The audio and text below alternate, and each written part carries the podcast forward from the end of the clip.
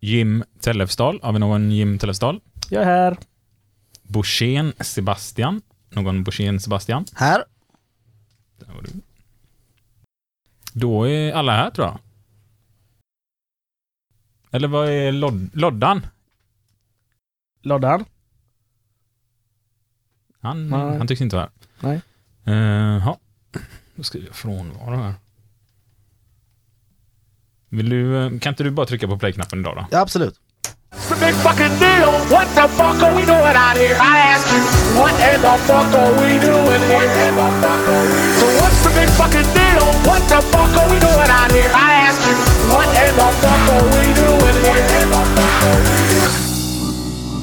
Och där var vi igång. Vad har ni gjort sen senast grabbar?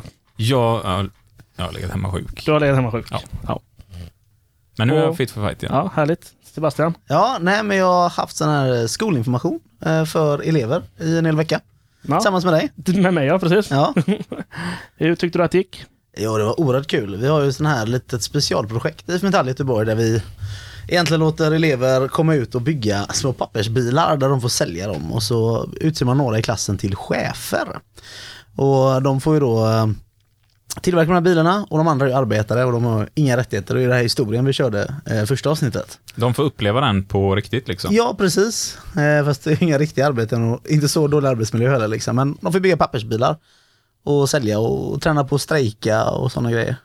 För de har inga raster, ingen lunch, ingenting när de kommer dit, utan eh, de är mitt ute i Viskafors som det heter va? Ja, det är ju ja, det är verkligen mitt ute i ingenstans alltså. Ja, bussen går två gånger om dagen eller vad är det? Ja, något i den stilen. Så då är vi ju smarta och säger att de måste känna ihop lite viskadaler, du vet. Och Ja, den påhittade valutan då. den påhittade vadaler, eller påhittade valutan som vi har hittat på då. Eh, för att få en bussresa hem. Annars är det liksom åtta timmar buss hem. Så Ja. då, då tar de hellre våran buss. Så det får ju de arbeta, men de får ju tävla och, och sånt. Och då, då får de ju träna då att vi måste ju få pengar, de har ingen lön eller någonting. Så, så då, då, då börjar de ju strejka och, och sådana grejer. Det är väldigt kul. Väldigt så här, liksom, intressant att se hur de själva kom fram till de slutsatsen också, att de måste kräva sina villkor. Mm. Det är ju ytterst få liksom, skolungdomar som får sån här facklig information och det är fantastiskt. Jag minns själv, jag, jag gick ju det här när jag gick på gymnasiet så fick vi åka dit ut till Viskadalen och eh, köra det här. Och det var Charko Djurovic som höll i den för mig och han är idag klubbordförande på SKF. Ja. Ehm, och det kommer jag ihåg väldigt starkt att man faktiskt lärde sig vad facket var och sen eh, förstod man ju att man, eh, på den tiden såg man också över det här. Och då förstod man ju att man skulle få mat på kvällen och få åka buss hem, men det fanns ju faktiskt klasskompisar som inte förstod det utan trodde att de verkligen var tvungna att känna ihop det här. Med utan med riktiga pengar. Hur är det idag då? Tror ungdomarna fortfarande det? Ja, alltså de börjar inse där någon gång där vid lunch kanske att de ändå så få mat, så det är ju ändå så positivt. Men, eh, nej, men de, de, de, de kämpar ju på, de vill ju vinna liksom, för vi säger också att det är en tävling, att de tävlar mot alla andra fabriker, så det blir, och då får de ett pris också, så vill ju eleverna ut riktiga priser till eleverna, så det, det är väldigt kul. Eh, faktiskt där. Och jag menar, jag har varit ute på uppsökeri där man, där man springer på folk nästan, ja, de kan vara mot 45-årsåldern, som berättar att de en gång i tiden liksom fick sin skolinformation och det var så de blev med i facket. Så det har ju den liksom, kopplingen mellan fack och liksom utbildning och det här. Mm, och det, jag, jag får ju nya kollegor ibland på mitt företag som faktiskt säger ja, jag gick som skolinformation i Viskadalen och det var du som höll i den Isak eh, för länge sedan. För det gjorde jag, men det är ett par år sedan jag var med och höll i den nu. Mm.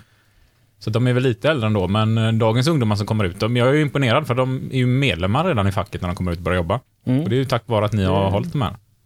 Det är bra. Ja, jag tror att vi räknar på att vi får alltså bara IF Metall Göteborg, alltså 250 Ja, nya, är runt 200, 200 ja, ungefär. nya medlemmar om året bara vid det här. Alltså det är så simpelt sätt. Och, och det är helt gratis för eleverna att gå med eh, under hela gymnasieperioden. Mm, Vilket- Och så, så är det i många fackförbund, så att det här behöver man ju kolla. Har man barn hemma som går i gymnasiet eller kusin, släkting, lillebror eller någonting, lillasyster, så Alltså kolla med fackförbundet i, om man går en yrkesutbildning då, där man är på väg eh, in i något visst typ av yrke. Ja, alltså speciellt precis som du säger. Alltså, är man ute på praktik och sånt så tänker många, ja men om jag jobbar lite här på helger eller övertid och sånt, men om man, man inte får ut sina rätta ersättningar, att skolan ska hjälpa till, men det gör de ju inte. Utan det är ju facket då som hjälper till.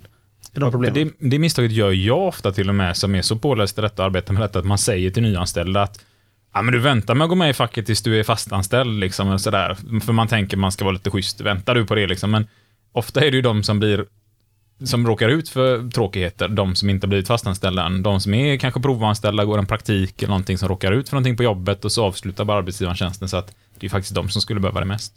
Mm. Verkligen. Värt att påminna sig om. Ja men det är alltså, för du, du gick också sån... eh, Ja, jag, jag minns ju inte den lika väl bara, men jag, jag har också gått den och jag, jag kommer fortfarande ihåg att jag var där. Liksom. Ja, för du gick med typ när du var 16 liksom. Ja, jag, jag gick ju med facket när jag var där, det vet du. Och det märker jag ju liksom i min egen bransch där det inte finns de här typen av... Alltså jag gick ju någon sån här hittepå på en privatskola liksom, så här industrientreprenörskap med naturvetenskaplig behörighet och... Ja, så där, ja. Ja, ja, Det låter utbildning. väldigt fancy. Ja, det, det har jag vet du, så det är bara att passa det här om du vill jag ska kolla lite på stenar och sån skit. Men, eh, men där märker man liksom, och det är ganska vanligt med det här liksom, hittepåutbildningen som kanske inte leder någonstans. För då, då kanske man kommer in på andra sådana branscher och, och, och där får man ju inte den här utbildningen egentligen från facket där man vet om vad facket gör och hjälper till. Så det är någonting som jag liksom hade önskat för egen del att jag hade fått ta del av. För då hade jag kanske förstått från dag ett och inte de morsan som tjatar på mig att gå med i facket. Mm. Och det står ju i läroplanen eh, som man har i skolan att eh, lärarna ska gå igenom det här med arbetsmarknadens parter. Och det är ju väldigt få jag stöter på som har fått det genom skolan, utan de som har fått det har fått det från fackförbund. Ja. Mm. Ja, alltså den kompetensen besitter man inte och vi från fackföreningsrörelsen kommer ju gladeligen ut och informerar alltså om fackliga verksamheten och även om faktiskt alltså arbetsgivarens part också för att beskriva hur svenska modellen fungerar och hur den ser ut. Men vi kan väl göra en sån liten undersökning på våran eh, Facebook-sida, där vi, eh, vi ställer frågan helt enkelt, har du fått en facklig information i skolan? Ja eller nej? Och så ser vi hur resultatet på den Ja, det blir jättebra. Ja. Presentera det i nästa avsnitt. Ja, det blir första undersökningen vi gör. Gött. Är det någonting annat som har hänt sen senaste grabbar? Ja, alltså jag har väl bestämt mig här nu för någonting killar. Mhm. Mhm. Eh, det har tagit lång tid, det har tagit en hel livstid nästan så. Jag, ni vet ju att jag inte följer Premier League. Ja, jo. Nu pratar vi brittisk fotboll. Ja, men jag har bestämt mig nu. Jag, jag är Liverpool-fan nu. Ah, vad bra tajmat när någon Mm. råkar leda ligan. Ja. Känns som att de behöver ju verkligen ett fan till. Mm. Ja, men det var Som, det inte, som inte har någon koppling till fotboll. Ja, men det var det jag kände liksom. Så att det, det, det, det kändes som det var rätt i tiden, de ligger rätta och allting. Men sen så, så länkade ju du en ganska intressant artikel också som fick mig bara, nej men nu, nu är jag Liverpool-fan. Mm. Och det är efter den här artikeln om Sadio Mané. Ja, du menar att Sadio Mané, han har eh, gjort som så att han eh, kommer att betala alla vuxna människor i sin hemby Senegal 830 svenska kronor i månaden. Och eh, det är som basinkomst, eller medborgarlön eller vad vi kallar det. Och- Varje månad också. Varje månad, varje månad, så att det är rätt mycket pengar. Kan ingen av er börja räkna lite på vad blir detta i pengar i månaden? Det har vi inte gjort. Men det, det kan någon medan jag... 830 kronor blir det i månaden. ja, precis. Det blir ju 830 kronor i Där har ni ju svaret, lyssnare. Varsågod. Det är våran livs levande miniräknare Tellefsdal här. Eh, nej, men jag tänker 2000 personer gånger 830. Det borde ju man kunna räkna i huvudet. Ja, det borde vara 1,6 miljoner ungefär. Mm. Skulle jag säga. Våran livs levande miniräknare. jag säger det här. Kanske du som... Roten ur eh, 53 Ja, EM. roten nu har jag inte tränat på så mycket. Du som kanske inte har gått på en fordonsteknisk linje. Det har ju du gjort. Det har jag faktiskt gjort. Ja. Ja. Mm. Vad hände nu Isak? Det är väl jag som inte är så Ja. snabb i huvudet då. Eh, Ja, men det har han gjort i alla fall. Ja, Chalmersförberedande uppenbarligen. De tog ju bort det när jag gick på gymnasiet. Nej, det var långt efter. 2011 menar du? Ja. Jag vet inte vad jag ska skylla på. Hur som helst så har jag varit duktig och kollat upp i alla fall eh, ihop med Sebastian. Fick lite hjälp av honom här. Mm. Vad, vad, Vi måste ju vara två när vi ska kolla upp eh, mattetal. ja, Ja. snittlön och eh, Minimilön. minimilön i Senegal. Och vi vet inte alls om de uppgifterna stämmer. Var har Och ni fått dem ifrån då? ja, internet. Internet, pålitlig allmänt, källa. allmänt internet. Ja, Ja. det stod en, en herre i mörk jacka och sa kom hit ska ni få se vad Mm. snittlönen är. Senegal. Det, det är ett sätt att Så ta blev jag av fram med min information. plånbok. Men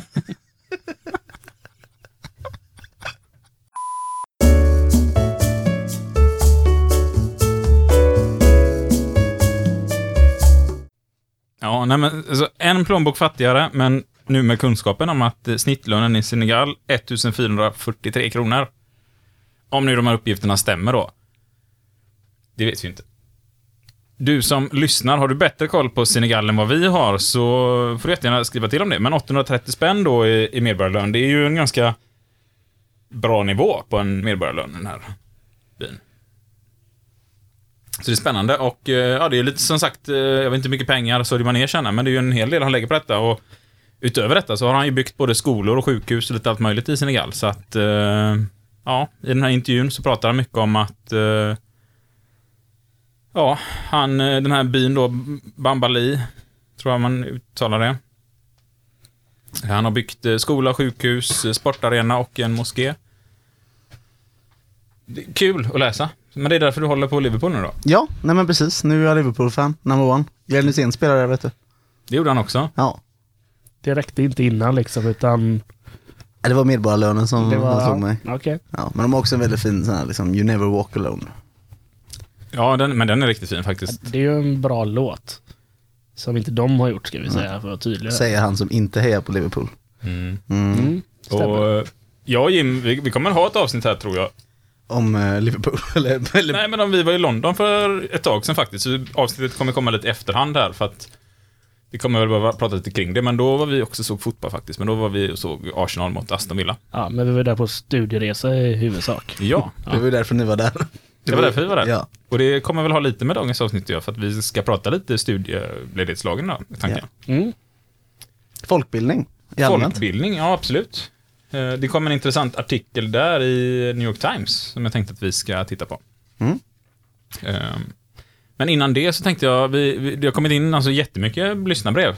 Jag tycker det här är helt fantastiskt. Det är långt över vad jag hade förväntat mig faktiskt. Eh, Ska jag bara se så jag kommer in här. Eh, Där. Och eh, vi kommer inte kunna svara på alla frågor. Men eh, vi läser upp dem och så ser vi om vi kan Vi svarar så gott vi kan. Det har kommit in en jätteintressant fråga här som handlar om asbest och eh, egentligen vad som gäller kring asbest. Och, alltså det är ju verkligen en sån här fråga som vi behöver ta in ett riktigt duktigt skyddsombud tycker jag på. Ja, nej, men absolut.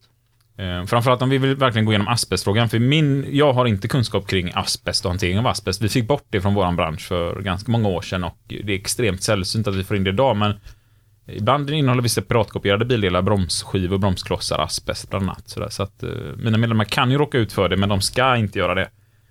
Men asbest finns ju fortfarande runt omkring oss på väldigt mycket fler ställen än vad de flesta tror. Och Arbetet skrev om detta i, jag tror det var december 2019, en väldigt intressant artikel som, som handlar om asbest och på hur många ställen vi faktiskt stöter på detta. Och det är väldigt mycket mer än vad vi tror. Det är ju låst, men när vi börjar slipa i det och hemmasnickran som ska byta fasad hemma och lite så här kan råka ut för det. Och de flesta som, eller inte de flesta, men en hel del av de som dog i asbestskador, det var inte bara de som arbetade med det, utan det var familjemedlemmar.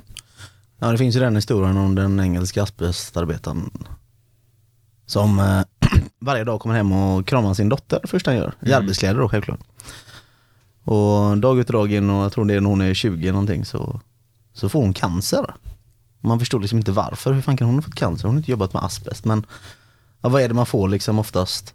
Damm och sånt. Ni- Alltså ni som jobbar väldigt mycket i dammiga miljöer, vad får ni damm oftast på kroppen liksom? Ja, men det är från bröstkorgen Ja, neråt precis. kan man säga. Och vad är det då liksom eh, barnen kramar den oftast? Ja. Ja, det, Och det, och det var ju det liksom, så det ledde ju till att hon fick cancer som en liksom följdskada till hans arbete. Så det är ju oerhört farligt och skadligt ämne. Men det, det där har jag hört att man även i Sverige har stött på eh, flertalet sådana individer och även att man tar hem sina arbetskläder och så tvättar man dem hemma i sin vanliga tvättmaskin. Och det som händer är att de asbestpartiklarna sätter sig i tvättmaskin och grejer och så kör du nästa maskin och så hamnar det i de kläderna.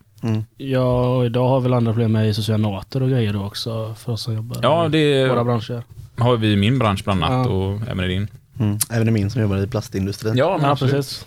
Det är, förlåt att jag glömmer det här. Definitivt. Ehm, jag tycker vi gör så här att vi, vi viger ett helt avsnitt om hur man arbetar med det. Men det är ju, framförallt så är det så här att det här är ju eh, jätteviktigt att man jobbar med arbetsmiljö och systematiskt arbetsmiljöarbete. Och det är någonting som vi definitivt bör ha med ur utbildningssynpunkt i den här och vad du som bara arbetar kan tänka på, vad skyddsombuden kan tänka på, vad vi som eh, fackligt förtroendevalda borde tänka på som vi kanske inte alltid gör för att vi missar det för vi kanske inte alltid är skolade i skyddsombudsfrågorna så som vi borde vara. Ehm, Så att jättebra fråga här. Men även ett litet medskick till er som lyssnar liksom. Har ni arbetskläder så se till så att arbetsgivaren tvättar dem.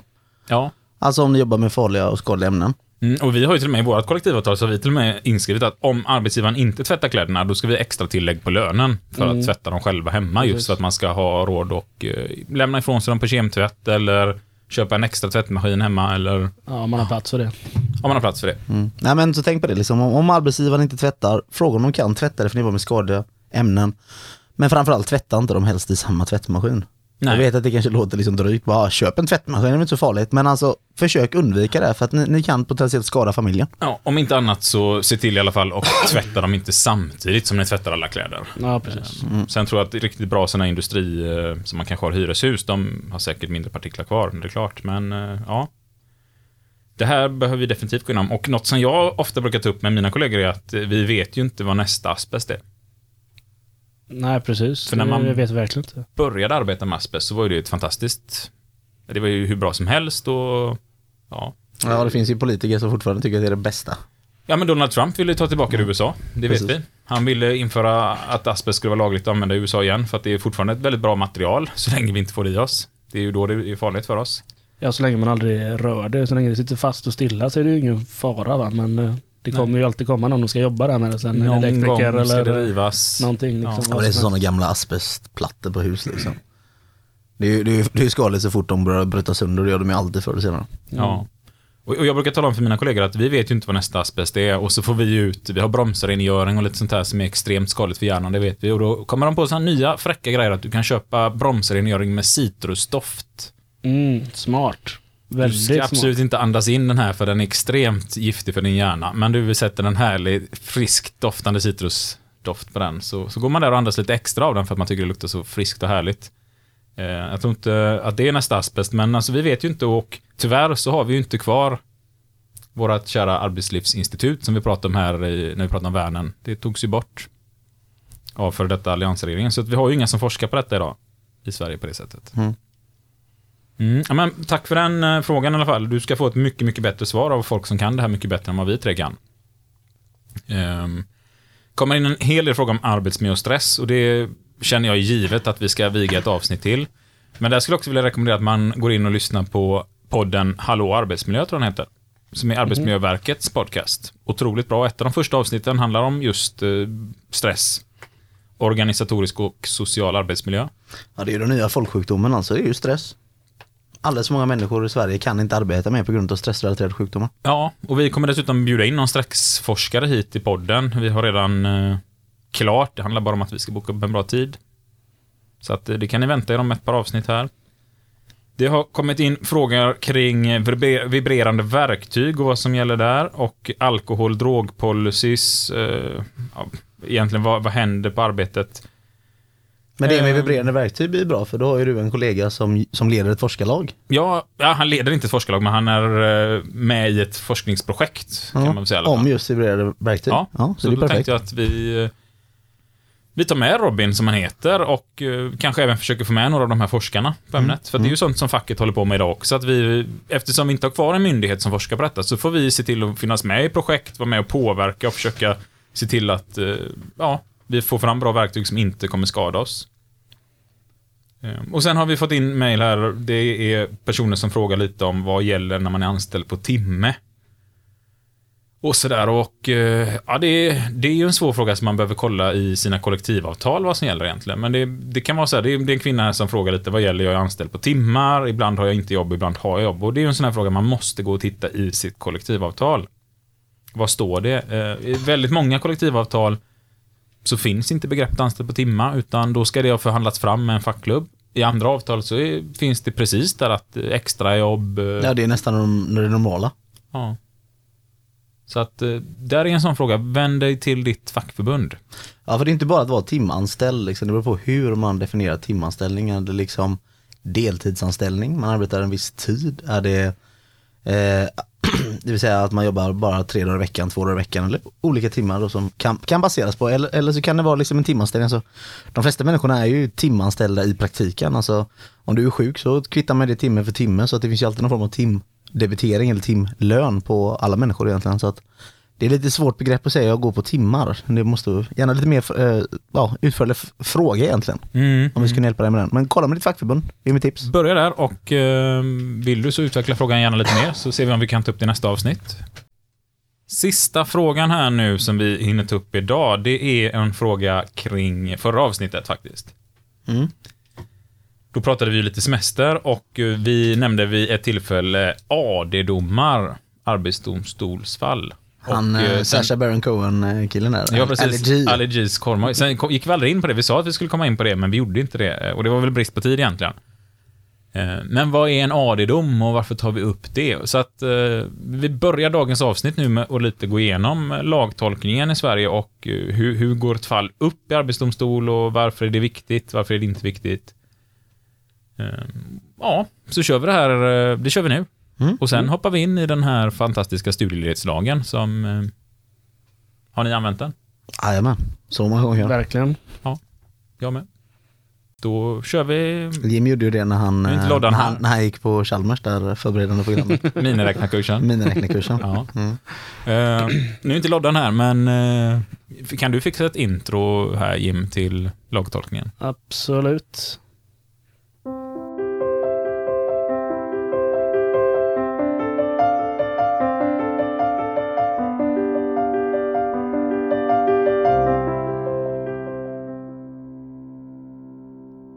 Tack för det introt Jim. Ja, då ska vi prata lite på de här rättskällorna och hur man ska tolka lagarna i Sverige.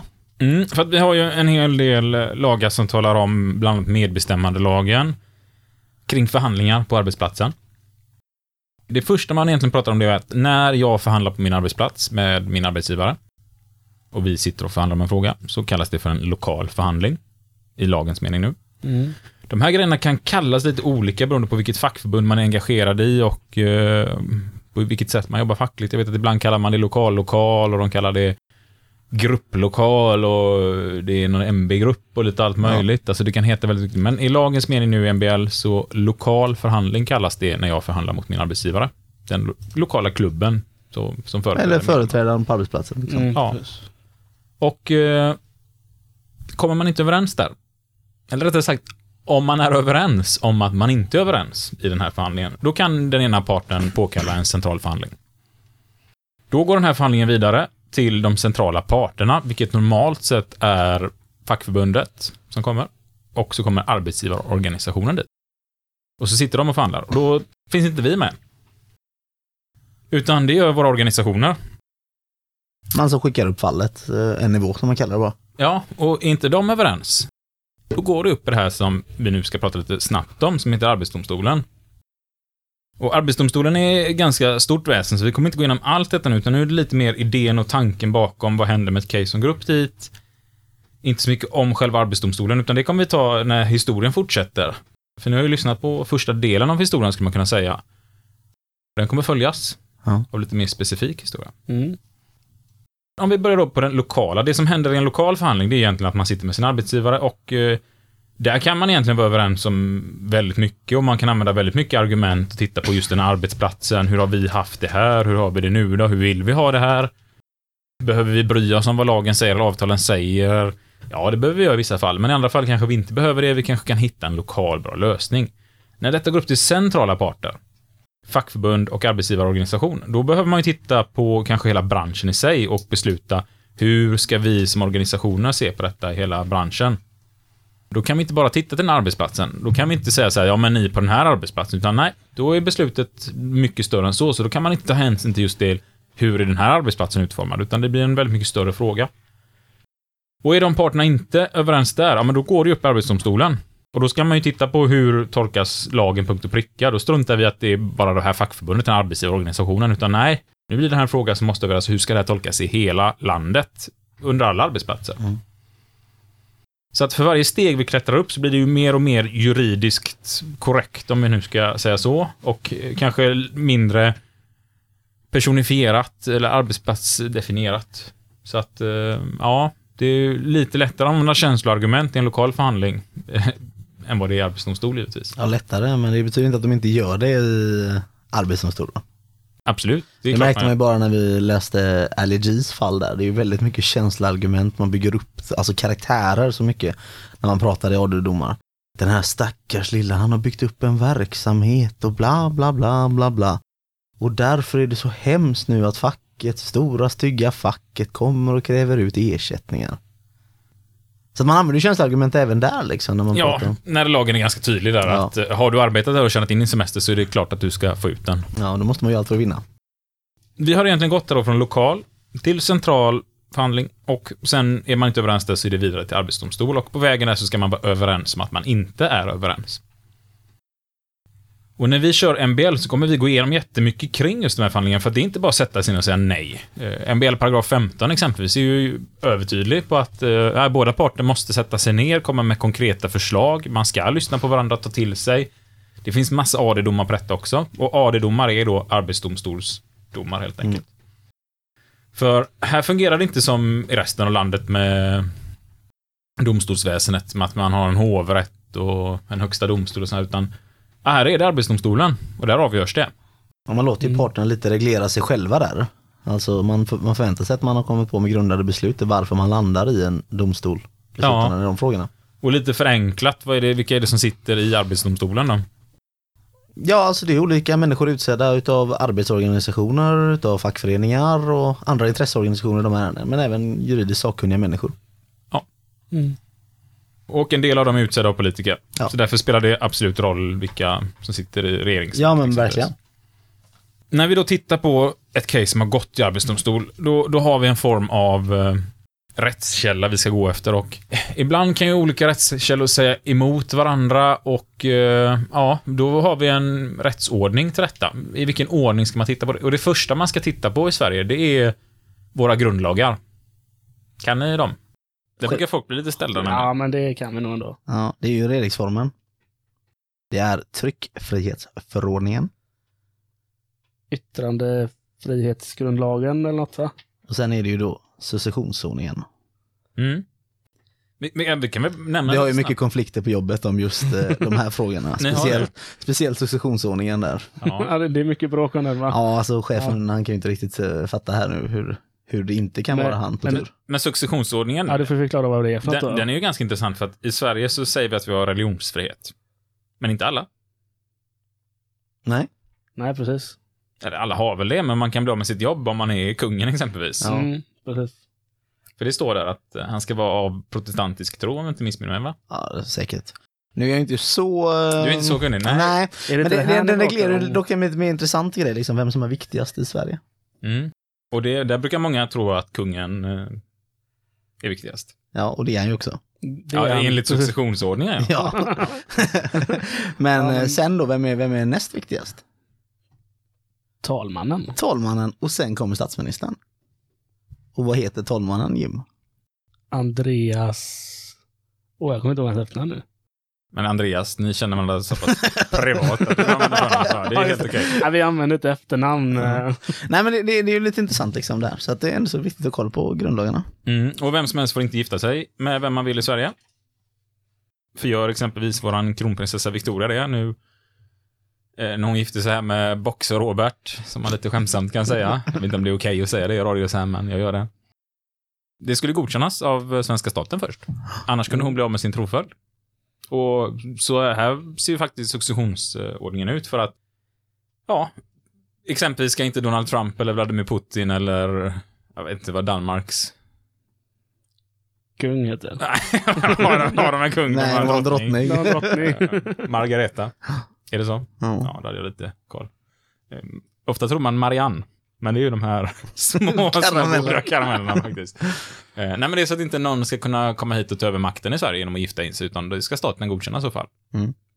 Eh, Sen kan hon säkert välja att gifta sig med vem hon vill, men hon blir av med sin tronföljd. Allt det här på grund av Arbetsdomstolen är ju fascinerande. Ja, så tänk om vi inte hade haft en arbetsdomstol du som lyssnar nu. Alltså, det då, vara- då hade vi ju haft en, eh, ja, en, jag vet inte, en dansk kung. Jag tycker det är rolig fakta i alla fall, men det kanske är lite nörderi här då.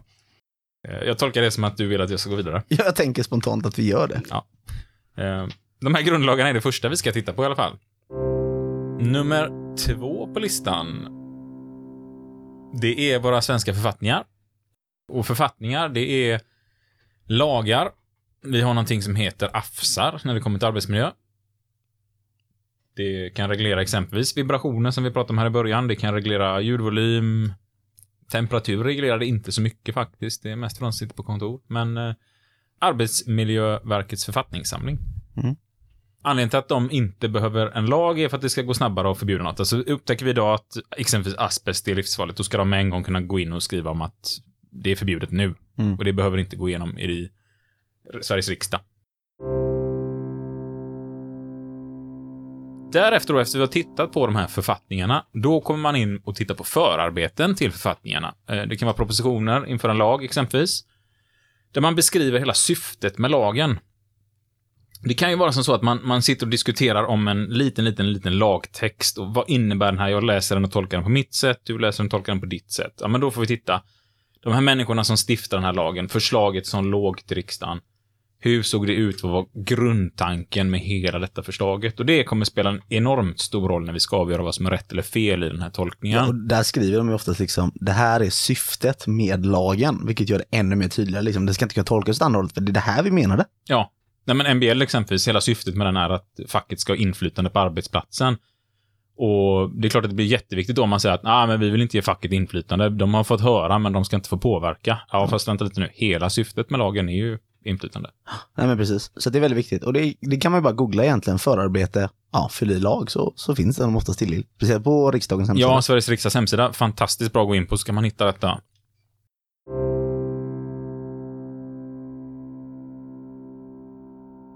Därefter då, som steg tre, då har vi någonting som heter rättspraxis, eller prejudikat, där man tittar på hur har vi dömt tidigare?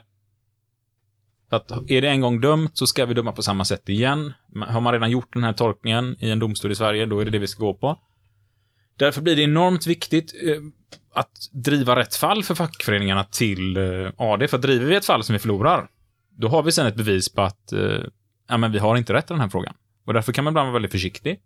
Precis som arbetsgivarorganisationerna kan vara väldigt, väldigt försiktiga att de inte vill driva ett ärende till Arbetsdomstolen. Ja. För att får man ett sån här prejudikat, en rättspraxis, ja men då, då har man fått ett bevis på som ska gilla. Så att ibland kan det vara så att om 500 företag, de betalar ut dubbel övertidsersättning för att det är så man har tolkat eh, kollektivavtalet.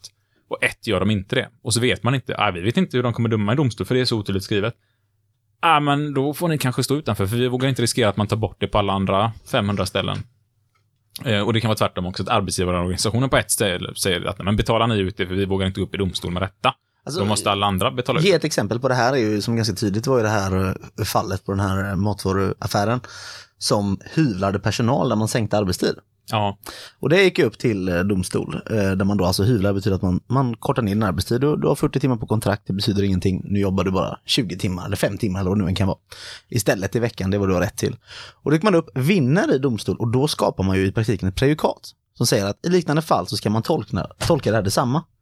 Så att om en annan matvarubutik då säger nej men vi vill att man ska kunna sänka arbetstiden så var det så de gjorde.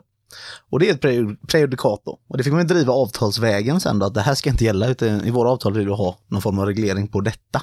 ja. Och låter det komplicerat för dig som lyssnar nu så kan man tänka så här att är det en gång dömt på ett sätt så ska man döma så i framtiden. Om ingenting nytt har hänt eller tillkommit. Men det måste inte betyda att alla fall blir prejudikat bara för att de går upp till AD liksom, utan i vissa fall blir det det, i vissa fall blir det inte det. Det är en helt annan diskussion vi kan gå in på, som är Mm. ganska lång. Och är det nu så att det inte finns en rättspraxis i det här, då kan det vara som så att man börjar titta på doktrin och det kan vara juridisk litteratur. Det kan vara som så att eh, man kanske gjort någon stor forskning på något universitet i Sverige som eh, ja, talar om vikten av att den här lagen tillämpas på ett, vikt sätt, på ett sätt den stärker svensk ekonomi exempelvis, så det kan hjälpa till att man gör tolkningen att vi gör på detta sättet för att det kommer vara bra för samhället, det kommer vara bra för svensk ekonomi. Eh, och i slutändan så har vi någonting som heter övrigt. Det är det sista man tittar på. Vad som helst. då. Vad som helst Ja. övrigt. Coca-Cola-flaskan står det liksom, du ska tolka MBL på detta sättet. Ja, det kan vara andra märken på den här drickan också. Mm. Det finns ju massa olika Ja, ja precis. drycker med Pepsi kolasmak. är en av dem. Pepsi är en av dem. Cuba-cola. Det- Jag kommer ändå censurera det här sen.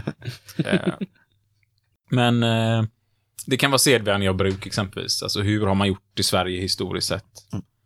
Eh, Och då tittar man inte bara på den enskilda arbetsplatsen, utan det är ju i samhället. Ja. Eh, Men där har vi de här rättskällorna då. Och eh, då var vi inne på det här och pratade om på semesterlagen att det fanns en AD-dom som talade om Alltså då en rättspraxis. Hur ska man tolka den här paragrafen som jag inte ens minns i huvudet nu vilken det var, men det, om jag inte minns fel, det handlar om att eh, när man avslutar en anställning så behöver man inte gå ut på sin ledighet, utan man har rätt att jobba anställningstiden ut och därefter får man ut ledigheten. Mm. Behöver inte ta ut semester under uppsägningstiden helt enkelt. Och det finns då rättspraxis på detta. Ett prejudicerande dom. Och det är den här G som har den här korvmojen. Men det finns också andra korvmojar. som jag definitivt tycker att ni ska gå till istället för den här i och med att han har ett AD-domfall emot sig. Ja. Och då kan man använda appen Schyssta villkor. Mm. Som finns till eh, flertalet olika sådana här system i telefonerna. Men schysstavillkor.se funkar väldigt bra också. Det gör det också. Sen skulle jag säga funkar bättre. än Vad är schyssta villkor då?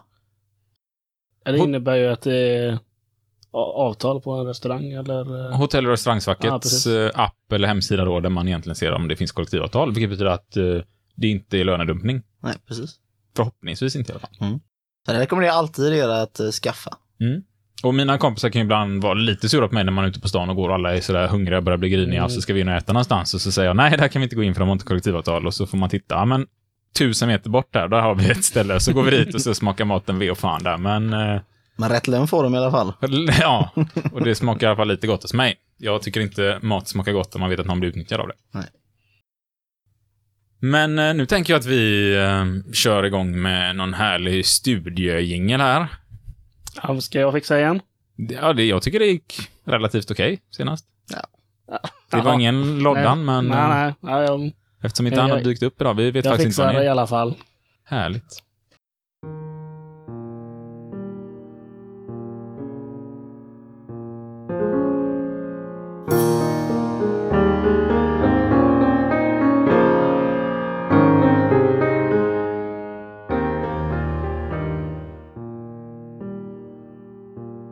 Tack för den gingen. Eh, tänkte vi ska prata studieslag. Mm. Ja. Mm. När använde ni den senast? Eh, jag använde den i januari senast. Jag var uppe på en kurs i Södertälje som kallas för Bommersviksakademin. Ja. Vet jag. Mm, och jag använde väl den i september här när vi var på studieresa i London och träffade fackförbund och eh, politiker i England. Mm. Ja men bra. Bra, då, då vet vi att den använder i alla fall i det här sällskapet. Du själv då? Eh, jag själv? Jo, jag använde nog den när jag var i Bryssel tror jag senast. Mm. Vad gjorde du i Bryssel? Jag var där för industrianställda i Norden och representerade IF Metall på en sån utbildning de hade där om EU och Brexit och ja, egentligen hur det fungerar där uppe. Eller där nere kanske man säger. Mm. Eh, och, och diskuterade lite om hur, hur Brexit skulle slå mot exempelvis England då. Det var tillsammans med ett engelskt fack. Väldigt intressant. Och, och det är jättekul att vi använder den. Och det kallas ju någonting vi gör då alltså. Det är ingen formell utbildning när ni var i London eller när man går Bommersvik, förutom du då som får faktiskt högskolepoäng för det här. Ja, Ja, det är en del i det, så kan man Ja. välja till det, ska vi säga. Ja, man kan välja till det. Men i övrigt så bygger det på folkbildning, folk som utbildar folk. Och, och vad är egentligen det då? Alltså det, det är ju en, från början en nordisk företeelse. Tanken om folkets bildning finns uttryck i många av de olika nordiska länderna som vi egentligen använder här då. Det gemensamma institutioner då som man kan gå, det är ju folkhögskolor där man kan vidareutbilda sig på riktigt då, om man säger så. Och man tar egentligen med sig att vi alla har olika livserfarenheter och vi lär oss och utbildar varandra i det här. Ett vanligt sätt att använda folkbildning är studiecirklar. Har ni gått en studiecirkel någon gång? Ja, det har jag gjort. Jag gick en eh, jägarexamen så. Vi ska ju börja nu ganska snart här, du och jag. Ja, ska vi det? Vad är det? Ja, den här böckerna vi ska börja läsa. ja, ja, men den, den, du menar den vi påbörjade i fredags?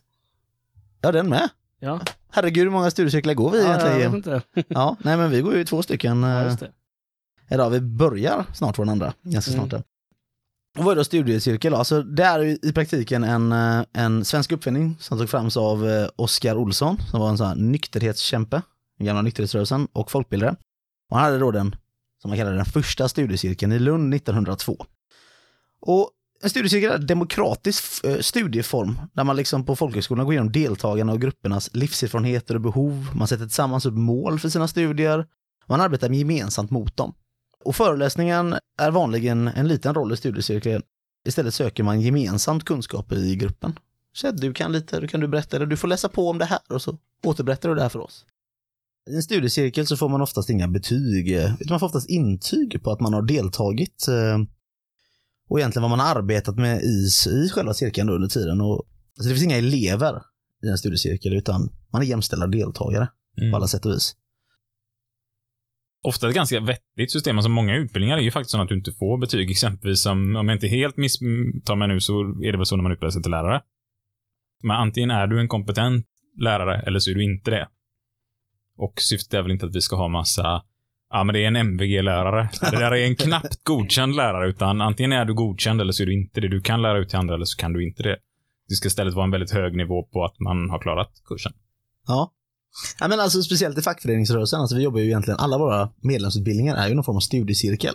Där ja, vi då som sitter i rummet är ju handledare i fackliga kurser. Eh, vi är också en deltagare i kursen som vi pratade om att ingen utbildning egentligen är andra lik för att deltagarnas frågor är det som påverkar ganska mycket. Och där går ju vi som handledare oftast in med det mest erfarenheten när det kommer till de fackliga frågorna, vilket gör att vi kanske bitar tar en mer tydligare och ledande position i gruppen. Men alla egentligen får ju vara med och påverka de här kurserna ganska mycket. Och man insåg ju ganska tidigt i, i fackföreningsrörelsen att det var viktigt med utbildningar eh, för medlemmarna och för själva organisationen. Därför blir det starkare ju fler utbildningar vi har och ju fler personer som engagerar sig och går sådana här studiecirklar. Eh, och ännu viktigare var det för facket att förverkliga den här vuxenutbildningsreformen som kom eh, under 60-talet och även i början av eh, 1970-talet där den gjordes om. Så att eh, i samarbete då exempelvis vi i LO-kollektivet, vi har ju ABF då, som är våran huvudorganisation som egentligen eh, hjälper oss att ta fram de här utbildningarna. Och det står för Arbetarnas bildningsförbund, va? Ja, precis. Det var ju vi själva som har skapat det här en gång i tiden. Så att man bedriver väldigt mycket utbildning via ABF då. Mm. Och det finns många politiska organisationer som också har sina utbildnings... Eh, Medborgarskolan är väl Moderaterna, tror jag. Ja, precis. Och vi har eh, Bilda som är frikyrkor och lite andra samhällsorganisationer. Sen har väl LRF, kan jag tänka mig att det också är någon form av folkbildnings... Jag vågar inte riktigt säga det, men jag Nej. kan tänka mig det. Ja, men alltså det finns ganska många. Census är ju Svenska kyrkans. Exempelvis, det finns ganska många och det var ganska vanligt att man gjorde det här, speciellt på 70-talet bildade massa extremt många sådana här olika studieförbund. För man insåg ganska bra att det är ett sätt att eh, vidareutveckla och utbilda sina medlemmar i organisationerna som de måste tillhöra. Mm, och det, jag tyckte det var jätteintressant, för till och med anrika tidningen New York Times så var det kolumnisten David Brooks som eh, just har skrivit om detta. Att hela Skandinaviens framgång med han på bygger eh, i ja, folkrörelsen och de här bildningsförbunden som vi skapar och folkbildningen i Sverige, att man har rustat befolkningen till att verkligen klara den moderna tiden och bygga upp en riktigt stark välfärdsstat. Att det här kommer inte gratis. Utan det här, det här är någonting man måste jobba med i befolkningen eh, riktigt ordentligt. Ja, jätteintressant artikel som jag tycker att eh, sök på folkbildning och eh, New York Times David Brooks så kan ni hitta länkar till den artikeln. Ja, men precis det som man pratar om. Alltså, om man kollar på en eh, akademiker så är de redan oftast ganska mycket mer utbildad än vad det kommer till en LO-arbetare. När de, via utbildning på universitetet. Och det är ju precis där som studiehandledslagen, det är ju ett viktigt verktyg för de fackliga organisationerna att kunna ge deras medlemmar utbildning av olika slag. Så både facklig och även allmän utbildning kan man även alltså, tänka på. För menar, du sitter i studiekommittén för vår avdelning. Ja, men det gör jag. Vi sitter och... Oj, nu vet jag inte år här, men eh, runt två, mellan 220 till 280 utbildningstillfällen per år sitter vi och beslutar om och bokar upp och kollar handledare och allting. Så det är ju Bara här för vår avdelning. Också. bara för våran Ja. avdelning här i Göteborg. Och jag tror nog att det är nog... Eh, nu ska jag faktiskt sträcka lite på mig här att det är, den eh, studieavdelning i världen bland alla, alla fackförbund som har flest utbildningar. Och eh, jag var på ett möte för ett tag sedan där jag höll på att göra bort mig lite grann. För det var en kvinna där och jag skulle prata med henne om eh, hur vi jobbade med studier här. Och där hade de bara sagt till mig att hon var från eh, Sydafrika, uppfattade jag det som. Att hon hade hand om fackliga utbildningar i Sydafrika. Så jag åker dit och gör inte större grej av det. Jag åker dit bara sådär. Eh, sätter mig ner och pratar lite om studier, hur vi jobbar med det, eh, verkligen. Eh, som vanliga, två vanliga människor. Jätteintressant, spännande, kul möte där vi pratar om skillnaderna. Tills jag då fattar att det är ju inte Sydafrika, utan hon är ansvarig för fackliga studier i hela södra Afrika. Mm. Eh, Hon var ju imponerad av hur vi jobbar med det i bara lilla Göteborg då. Eh, Så då förstod man också hur, hur långt vi har kommit till skillnad från hur långt man kommit i andra delar av världen. Ja. Och den kampen som de gjorde i Sydafrika, ju, eller södra Afrika då, eh, förlåt, den är ju helt fantastisk egentligen den vägen de har kommit på den här korta tiden. Men fortfarande en väldigt lång resa där vi verkligen behöver hjälpa till. Ja, nej, men alltså, man, man ser verkligen där också alltså, vilket eh, verktyg eh, som, som det är med studieslagen och även det är en rättighet för oss arbetstagare att eh, man kunna ta ledigt för att studera. Inte bara facklig utbildning, det är även också om du ska plugga vidare någonting annat. Alltså du kanske blir lärare, säger vi då, då, då har du möjligheten att ta ledigt från ditt arbete för att plugga till lärare. Men det kanske du märker efter ett tag, det var inte för mig. Ja, då har du möjligheten liksom att ja, komma tillbaka. Ja, men alltifrån det till just att gå en sån här facklig utbildning som man kan göra som bara medlem i ett fackförbund. Eller till och med det finns kurser för de som inte är medlemmar, att man får lära sig vad går medlemskapet ut på.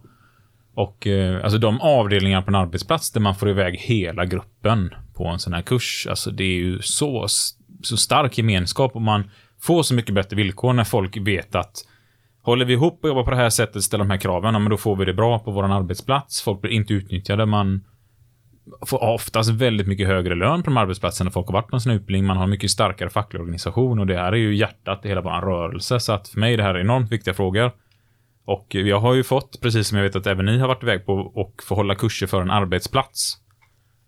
Där ett fackförbund kanske har tagit ut ett skadestånd från ett företag istället för att ta ut pengar så tar man ut, nej vi vill att personalen ska få facklig utbildning. Och eh, senaste sånt företaget jag var och gjorde detta på tog de eh, ja, vad har det gått nu? Kanske två månader så bildar de en egen fackklubb nu. Åtta personer i en styrelse. Nu är det tekniskt sett fel här, men man ska vara nio eller sju. Ja. Men eh, de hade någon på väg in där också, så ska de komma igång och börja förhandla om allt möjligt. Och det här är en arbetsplats som för inte så länge sedan saknade kollektivavtal helt och hållet och inte hade någon facklig organisation. Så ombudsman som var där ute gjorde ett kanonjobb. Jag vet att du var ute som uppsökare där och pratade lite med dem om facklig verksamhet. De fick ett arbetsplatsombud de här två arbetsplatsombuden. Den ena gick en kurs för dig Sebastian, den andra gick en kurs för mig. Eh, och sen blev det en stor fråga på arbetsplatsen och ett skadestånd ställdes och eh, därefter fick jag möjligheten att köra en utbildning för hela personalen. Idag, fackklubb, jätteengagerade. Det kommer bli hur bra som helst och jag är helt övertygad om att de kommer få så mycket bättre villkor. För det här har varit ett företag som tidigare har lönedumpat i Sverige. Nej, men alltså, det som är positiva med det här också är ju inte bara att man har folk i styrelsen som utbildar. Man har ju faktiskt också en utbildad medlemskår. Ja, för det är det viktigaste. Ja, det är ju det bästa man kan ha, för då har man verkligen folk som vet vad man pratar om. De pratar om de här frågorna som man gör och varför man agerar på ett visst sätt. Och det stärker ju bara liksom hela det, ja, alltså klubbens arbete. Mm, för det är ju ingen som är så duktig förhandlare att man som enskild individ går in och liksom skrämmer arbetsgivaren liksom så att de, ah, nu, oj, oj, oj, nu måste vi lyssna på dig som förhandlare, utan det är ju gruppen. Alltså det är ju arbetsgivaren som ska förstå att, ah, men jag vill att det ska fungera bra, jag vill att personalen ska trivas och oj, här verkar de förstå vad de vill. Och då gäller det att lyssna. Mm. Och det är ju så man blir en bra förhandlare. Det handlar om att bygga upp en otroligt stark organisation på arbetsplatsen. Det handlar inte om att bli en kompetent förhandlare som kan lagarna. Nej men alltså det här, det är exakt det du pratar om nu, så bra tips till dig som lyssnar alltså. Alltså hur, hur, det här med, det här med skadestånd som vi ibland i facket kan ta ut mot arbetsgivarna, alltså, ja då sitter man med pengar i, mer pengar i facket eller mer pengar på klubben. Vad ska man med pengar till om inte man kan använda dem?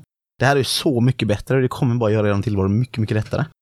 Alltså en vanlig grej som jag märker ibland att det är, det är att medlemmarna inte vet att de blir lurade när man kommer på uppsökeri. Ja, jag vill bara pålägga, man behöver inte ta ut det här som skadestånd, utan som Ja, vi kommer komma in på här med lagen, så har man rätt i Sverige, alla människor i Sverige har rätt att gå på en sån utbildning. Ja men verkligen. Men det är ett jättebra sätt att göra det lokalt på arbetsplatsen.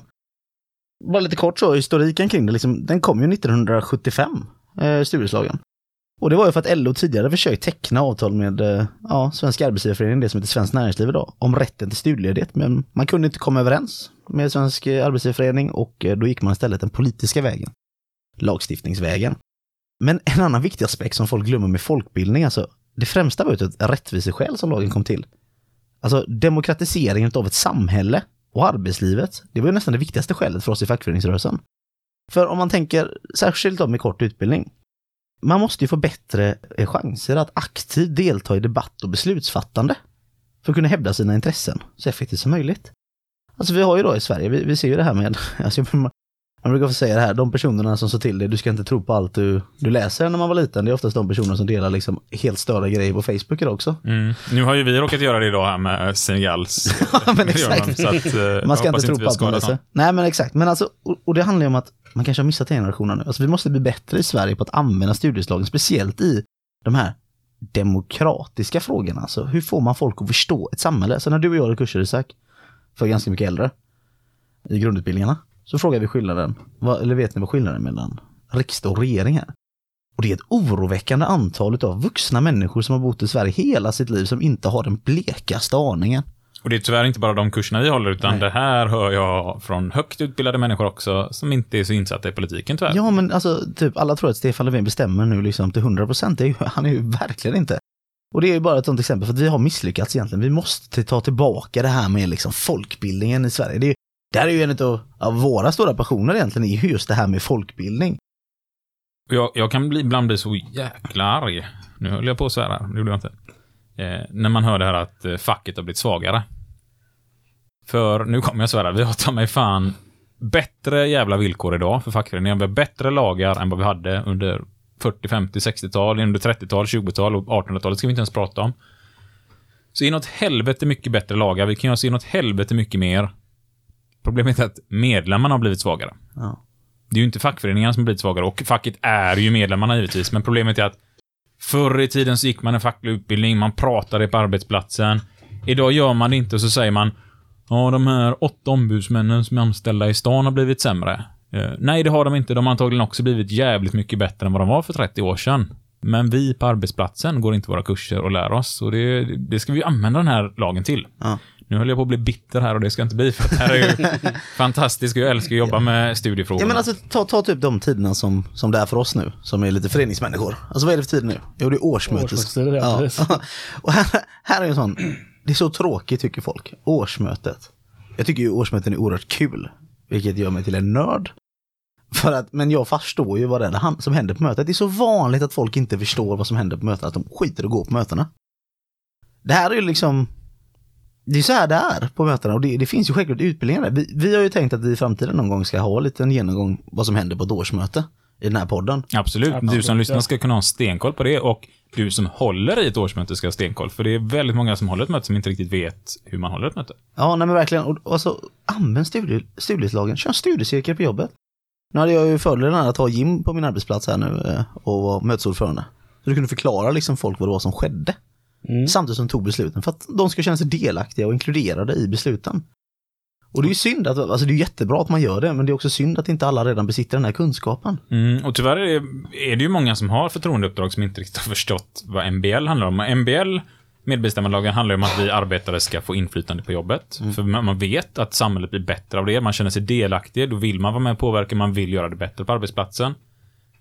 Och likadant måste väl vi då tänka som fackklubb eller fackförening att de som kommer på vårt årsmöte, de ska bli så delaktiga och intresserade som möjligt. Och då måste vi lägga upp möten som är intressanta, kul, som gör att de förstår vad allting handlar om. Få de delaktiga besluten. För att när vi har årsmöten och folk säger att det är inget kul att gå på årsmöte, så kommer de på ett årsmöte, känner sig jättedelaktiga. Och så är det flera stycken som räcker upp handen, vill ha fackliga uppdrag, tycker det här är jättekul, jätteintressant och kommer på nästa möte och nästa möte, de tar med sig fler och fler. Det är inte särskilt svårt, det gäller bara att göra det lite intressant och eh, det har ju ni två lyckats med enormt bra och eh, jag tänker skryta lite så att det har jag också lyckats med ganska bra när jag varit ute och kört eh, årsmöten på ställe. Att bara man får folk delaktiga så blir det kul. Ja. Det behöver inte alltid vara roligt. Det behöver bara vara att man känner att jag kan vara med och påverka. Fan vad kul att det är. Och det är här man ska tänka nu. Liksom, så här. Det här är bara en aspekt i det. Det handlar om demokratiseringen av samhället det här liksom, som vi pratar om nu. Det är, ju en allmän bra och nyttig kunskap liksom, att ha. Men även alltså, andra saker man kan göra på jobbet. Alltså, så man förkovrar sig något ämne. Man vill läsa någon bok. Man kan köra bokcirkel. Alltså, man kan till och med få böckerna gratis ganska ofta utav de här studieförbunden då, som ABF, Sensus och Bilda och så vidare. Man får bara kontakta dem och säga att vi vill läsa den här boken och så vi ska ha en studiecirkel, vi ska ha de här sittningarna. Man vill fördjupa sig i ett ämne på arbetsplatsen. Det är alltså så jäkla smart att köra studiecirklar. Mm. Och flera fackförbund har ju också så man kan söka stipendier om man ska utbilda sig på ett universitet eller på folkhögskola eller högskola. Ja, vad det nu är. Jag vet att Unionen har det. IF Metall har det. Vi har ju nästan totalt övertygad om att de flesta fackförbund har någon form av stipendier du kan söka. För. Det kanske inte alltid är jättemycket pengar, men det kanske räcker i alla fall till böckerna under din utbildning. Ja men alltså man kan, man kan ju förkovra sig i ganska mycket saker. Så om man brukar prata, liksom en vanlig studiecirkel, den ska vara typ, jag tror det är fem tillfällen, om det är tre tillfällen gånger, Tre tillfällen. tre tillfällen Ja, gånger, gånger 45 minuter. Det är oftast ibland en lunchrast liksom. Ni skulle i praktiken kunna ha en studiecirkel på jobbet, bara under lunchrasten. Och där kan ni välja valfritt ämne. Alltså det som är så bra med studieledighetslagen också, eh, med folkbildning i aspekten i, sin helhet. Studieslagen gör ju rätten att inte vara på jobbet exempelvis under specifika tider. För att just lära oss någonting i, i studiecirkelform exempelvis eller någon annan form av utbildning. Men man behöver inte använda den utan bara folkbildningsaspekten i det hela. Det kan man använda på jobbet. Om ni känner att medlemmarna har svårt eller inte vågar gå på kurs. Varför inte göra kursen på jobbet? Ta, ta en rast i veckan i åtta veckor. Då kan ni utbilda människorna exakt i de frågorna som ni vill. Och hur går man vidare här nu? Alltså vad är det för paragrafer vi har för att komma iväg på det här? Jag, Jag tänkte föreslå Loddan och dra en jingel, men han är inte här, så att jag tittar på dig Jim och så kanske du kan ta fram ytterligare en liten jingel här. Och så tänker jag mig att vi, vi kan väl kan vi titta ganska enkelt på vilka paragrafer det är och sen eh, gör vi ett fördjupningsavsnitt om själva studierättslagen likt det vi hade om semesterlagen lite längre fram i podden. Men jag tänker att det kanske är de mest grundläggande viktiga sakerna vi ska gå igenom nu. Mm. Låter det som ett rimligt förslag? Absolut. Då, Maestro, varsågod. Jim.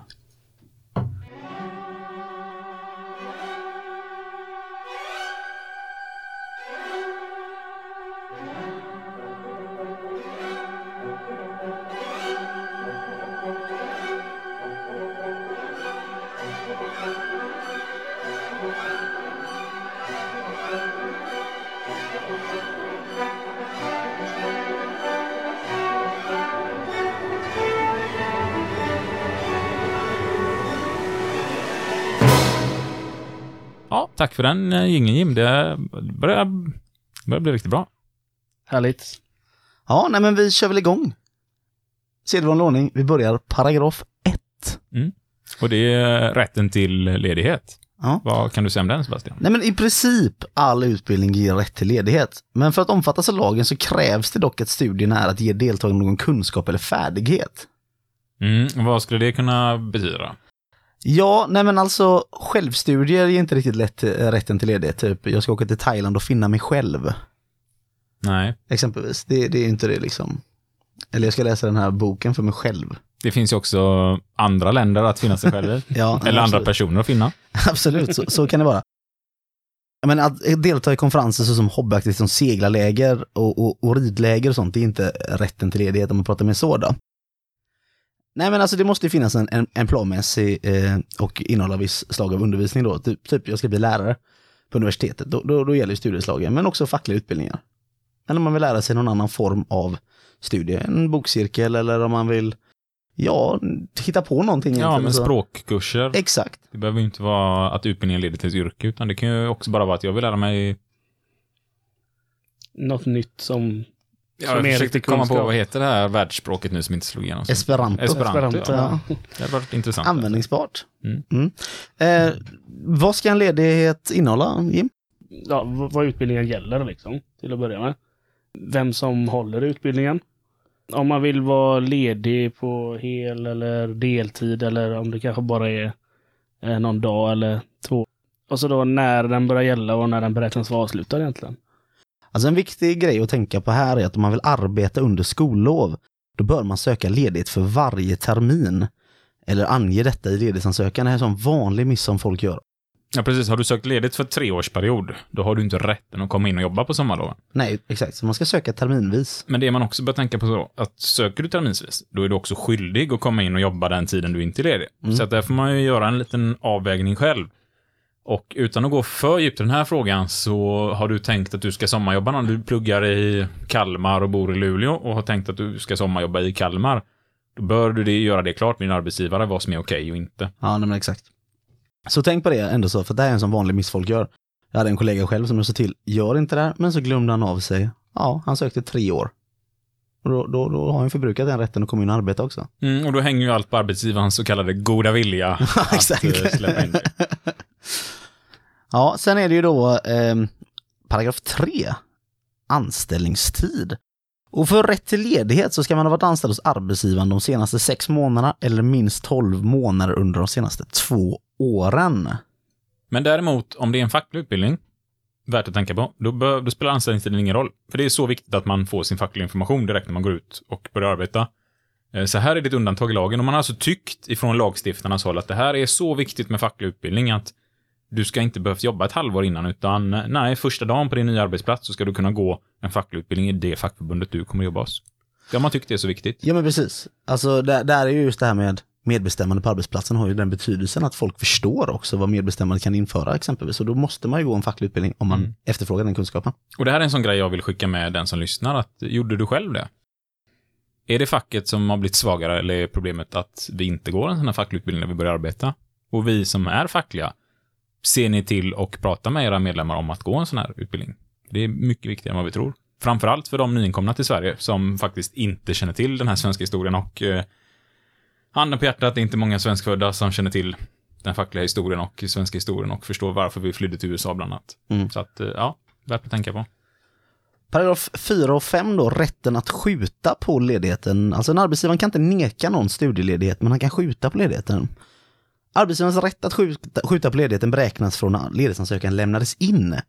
Och gäller ledigheten längre än en arbetsvecka, då kan arbetsgivaren skjuta på ledigheten upp till sex månader.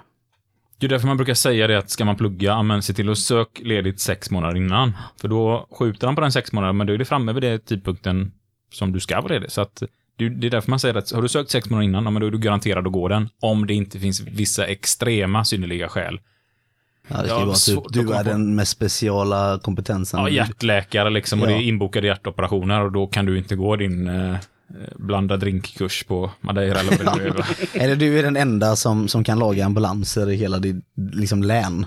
Mm. Ja, då kanske det finns synnerliga skäl för det liksom. Ja, och nu, då skulle jag hävda att eh, det där är inte synnerliga skäl, för det finns eh, många duktiga mekaniker. Ja. Eh, Men gäller ledigheten upp till en vecka, då kan arbetsgivaren skjuta på ledigheten högst 14 dagar. Så tänk på det här, så en vanlig facklig utbildning är en till tre dagar för en medlem. Eh, En medlemsutbildning då. Ja, och därför brukar vi alltid säga till när man ska gå en facklig utbildning att sök minst 14 dagar innan, så är du garanterad att komma med på den. Precis. Eh, och är det nu så att företaget hävdar att nej, du är alldeles för viktig för att kunna vara borta de här tre dagarna, då hoppas jag din lön också talar om att du är så viktig. Om ledighetsansökan lämnas in tidigare än dessa tidsgränser kan arbetstagaren alltså inte neka den här ledigheten. Så att, eh, lite som vi var inne på här innan. Till Men också att arbetsgivaren kan också förhandla om ledigheten. Ja, För det här är en sån viktig aspekt, alltså ni ska också tänka lite på arbetsplatsens utformning och hur den fungerar så. Så att allt är bra om ni har många som ska gå en facklig kurs, att ni sätter er och förhandlar med arbetsgivaren. När tycker du att det här passar?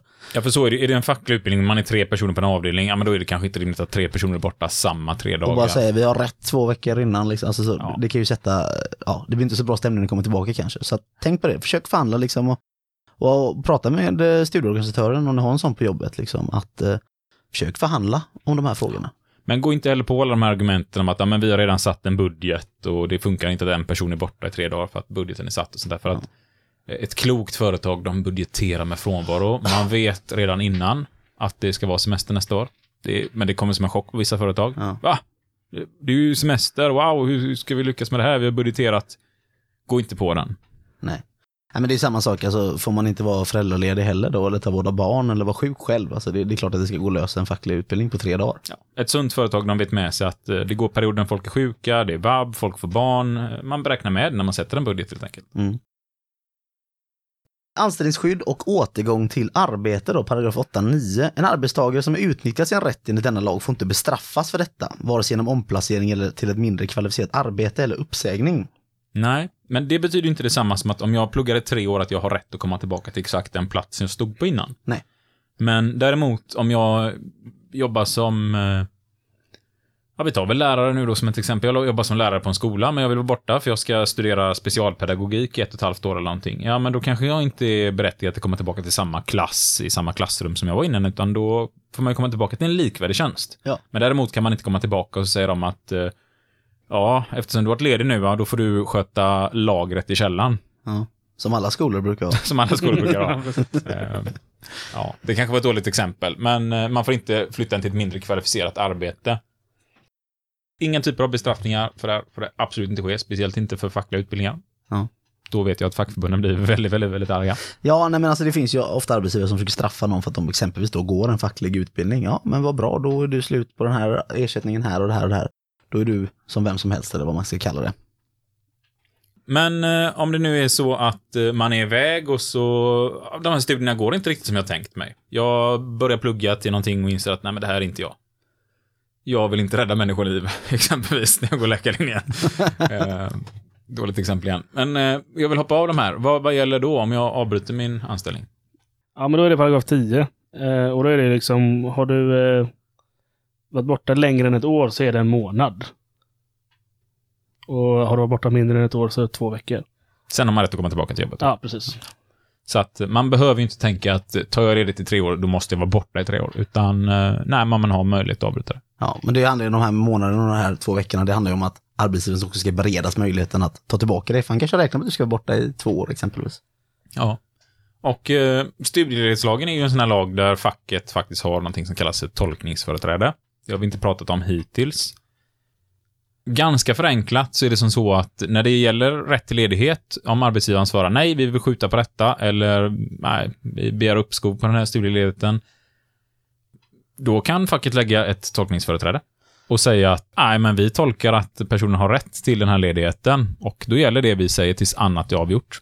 Ja, antingen då- i, förhandling centralt eller i domstol. Ja, och då är det helt enkelt så att personen kan i lugn och ro åka iväg på sin utbildning och visar det sig att det går upp i domstol och facket förlorar i domstol, ja, men då kommer det ju kosta facket pengar givetvis. Ja. Men eh, våran tolkning gäller tills dess att du som är fackligt förtroendevald, som har tänkt lägga ett sånt här tolkningsföreträde, du bör definitivt vända dig till din fackliga organisation först, exempelvis till en ombudsman, så att eh, du har ditt förbund bakom dig. Ja, vi lägger en sån här som vi i You podcast kallar det, litet ajabaja där. Mm. Prata med eh, någon på högre ort och se vad de säger just Men frågan. det här beror ju helt och hållet på vilken typ av fackförbund man är med också. Och mer än så här är egentligen inte studielislagen. Så alltså du det- där hemma, passa på nu och använd den här eh, så mycket du bara kan. Du har verkligen ingenting att ångra. Kunskap kostar ingenting att bära. Nej, men kunskap är ju verkligen makt och eh, jag kan bara tänka tillbaka på mitt eget liv. Allt man har kunnat blivit blåst på om man inte haft den här kunskapen och alla människors liv jag har fått vara med och förändra och förbättra Ja. eh, på grund av den kunskapen man har fått och hur mycket ja, vänner, kärlek och ja, det har gett en i livet. Det är helt fantastiskt. Och den här, den här lagen gäller ju liksom inte bara medlemmarna, det gäller ju alla i hela Sverige. Vi kommer ju prata lite mer i framtiden också om vad som gäller just för förtroendevalda, alltså folk som är valda, vad de har för lagar att använda. För det gäller inte bara i fackliga studier, det finns ju vissa saker som arbetsgivaren ska bekosta också. Liksom. Mm. Och det kommer vi prata om i ett framtida avsnitt. Sen är det sorgset ibland. Vi händer att man skickar iväg folk på utbildningar inför pensionsförberedande utbildningar. Vi kör bland annat en inom ABF som heter 55 plus. Som man nästan hör på namnet att eh, ja, när man har fyllt 55 är det dags att gå den. Många väntar tyvärr lite för sent och går den när de är 63-64. Tanken där är att man ska få reda på om eh, pensionssystemet, eh, försäkringar, vad händer med dem när man går i pension? Hur funkar själva det här med att gå i pension? Hur bör du placera pengarna inför pensionen? Eh, Man lär sig jättemycket kring detta och givetvis lagar och avtal runt det här med att bli pensionär och göra. Vad, vad gäller? Vad händer om jag blir sjuk eller vill återgå i arbete? Hur länge har varit rätt vara kvar i tjänsten? Och det är den första fackliga utbildningen man går på. 59 eller kanske 63 år gammal. Och så kommer man tillbaka och tycker att det här var det roligaste jag gjort under hela mitt yrkesliv. Herregud vad jag vill gå med kurser. Varför har jag inte gjort det här innan? Ja, det är så vanligt alltså. Och det är jättekul, men samtidigt så sorgset att eh, det skulle ta 63 år att gå sin första fackliga utbildning och eh, då inser man att det är så kul att man vill gå fler. Men, Men om, om, om vi liksom rundar av det här med studiemedelslagen, lite så. Gå en kurs. Ja, absolut, men hur är det att gå en kurs? Senaste gången folk kanske var på utbildning var kanske någon via jobbet. Tråkigt som fan, det kanske var på engelska och man har ingen aning vad det här riktigt handlar om. Mm. Hur är det att gå en facklig utbildning Isak? Alltså En medlemsutbildning här säger vi då. steget. enormt stor skillnad beroende på vad det är för typ av utbildning, vad vill man lära sig, med vilka går man, vilken handledare får man, i och med att många fackförbund har ju förtroendevalda som håller kurserna. Och jag kan vara en av dem som står och håller en utbildning. Någon kanske tycker jag är jättetråkig att lyssna på. Det är ganska otroligt att någon skulle tycka det i och för sig. Nej. Eh, Men det, blir, det är ju, kem- kemin kommer ju spela stor roll givetvis. Alltså, det kan ju hamna med en riktigt tråkig... Jag gick någon facklig utbildning i början av min karriär som var fruktansvärt tråkig tyckte jag. Ja. Eh, och det gjorde att jag inte gick utbildningar på ett tag. Sen gick jag en och det var det bästa jag har gjort. Eh, så fantastiskt hög nivå, otroligt roligt, så det är klart att det kan spela roll. Men överlag, alltså nio av tio utbildningar jag har gått har varit fantastiskt roliga och man kommer därifrån med så mycket kunskap och nya bekanta och eh, känns jättekul och spännande. Eh, Men lite snabba frågor så då, hur, Ja. hur tiderna liksom oftast? väldigt många kurser inom ABF eh, börjar ju åtta på morgonen och slutar klockan 16 på dagen. Ja. Så det är som vanligt liksom. För de flesta. Ja, för men- de flesta säger att de inte har tid nämligen, därför jag vi frågar. försöker ju, där vi sitter, vi försöker ju anpassa det extremt mycket efter arbetsplatsen. Jag har ju varit ute och kört eh, någon kvällskurs på något ställe för att det är efterfrågat. Eh, Natt är väl sällsynt, men alltså allt går ju att fixa. Det är det som är så fantastiskt med det här att de flesta fackförbund är otroligt smidiga och kan göra ihop någonting väldigt snabbt. Jag har kört kurser ute på arbetsplatsen. Vi har kört på konferensanläggningar och många fackförbund har sina egna konferensanläggningar Kursgårdar. kursgårdar. Det här ni var på Viskadalen är ju en sån eh, Mm. folkskola. Men eh, alltså så här, ja, om, om en medlem tänker så här, men jag, Jag har inte tid. Du säger att man gör det oftast inom arbets... Då säger jag, då är det ju studieledighetslagen, så att du gör det på din arbetstid. Så att den tiden hade du ändå varit på jobbet och då erbjuder väldigt många fackförbund att du får någon form av betalning när du är på en sån här kurs. Att eh, det kan vara allt ifrån att du får förlorad förtjänst, alltså du får exakt den inkomst du skulle haft i lön, får du utbetala i din fackförening. Ja. Andra kör med stipendium. Och jag tror att LO-kollektivet har något stipendium som ligger nu ungefär runt 950 spänn, cirka. Skattefritt. Då. Eh, Men det är ju inte obegränsat, utan det är en viss mängd av kurser du kan gå och få det här. Sen tar ju det slut. Ja, men, men en person som är lite rädd att få gå på kurs, som känner att nej men det här är så jobbigt, jag klarar inte av att sitta ner så länge. Liksom. Hur, hur brukar det... Mm. Nej, men då, först och främst tycker jag man ska prata om man har någon studieorganisatör på sin arbetsplats eller någon studieansvarig i sitt fackförbund. Så ringer man dit. Så brukar de vara extremt tillmötesgående. Så talar man om att jag har svårt för språket, jag har svårt att sitta still eller vad det nu kan vara. Och så hjälper de en till en kurs som är anpassad för det. Och Alltså de kurserna vi kör, det är ju inte som när man satt i skolan att alla sitter uppradade runt en bänk, utan det är mycket att man diskuterar i grupp, eh, intressanta föreläsningar.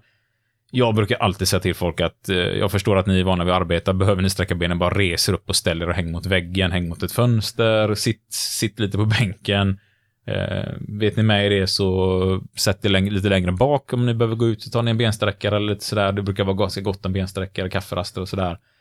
Men jag har aldrig varit med om att någon har haft problem om det och då har det suttit folk med ganska kraftiga ryggskador som, eh, ja, de har ändå lyckats sträcka på sig och tycker att det är jätteintressant och spännande och man får väl lite så här peppa peppa ta i trä, men än så länge har alla jag haft på kurs varit supernöjda och eh, satt en femma eller en fyra i betyg och tycker att eh, det här är extremt roligt och kul. Så att eh, Så vad konkretiserar det här då?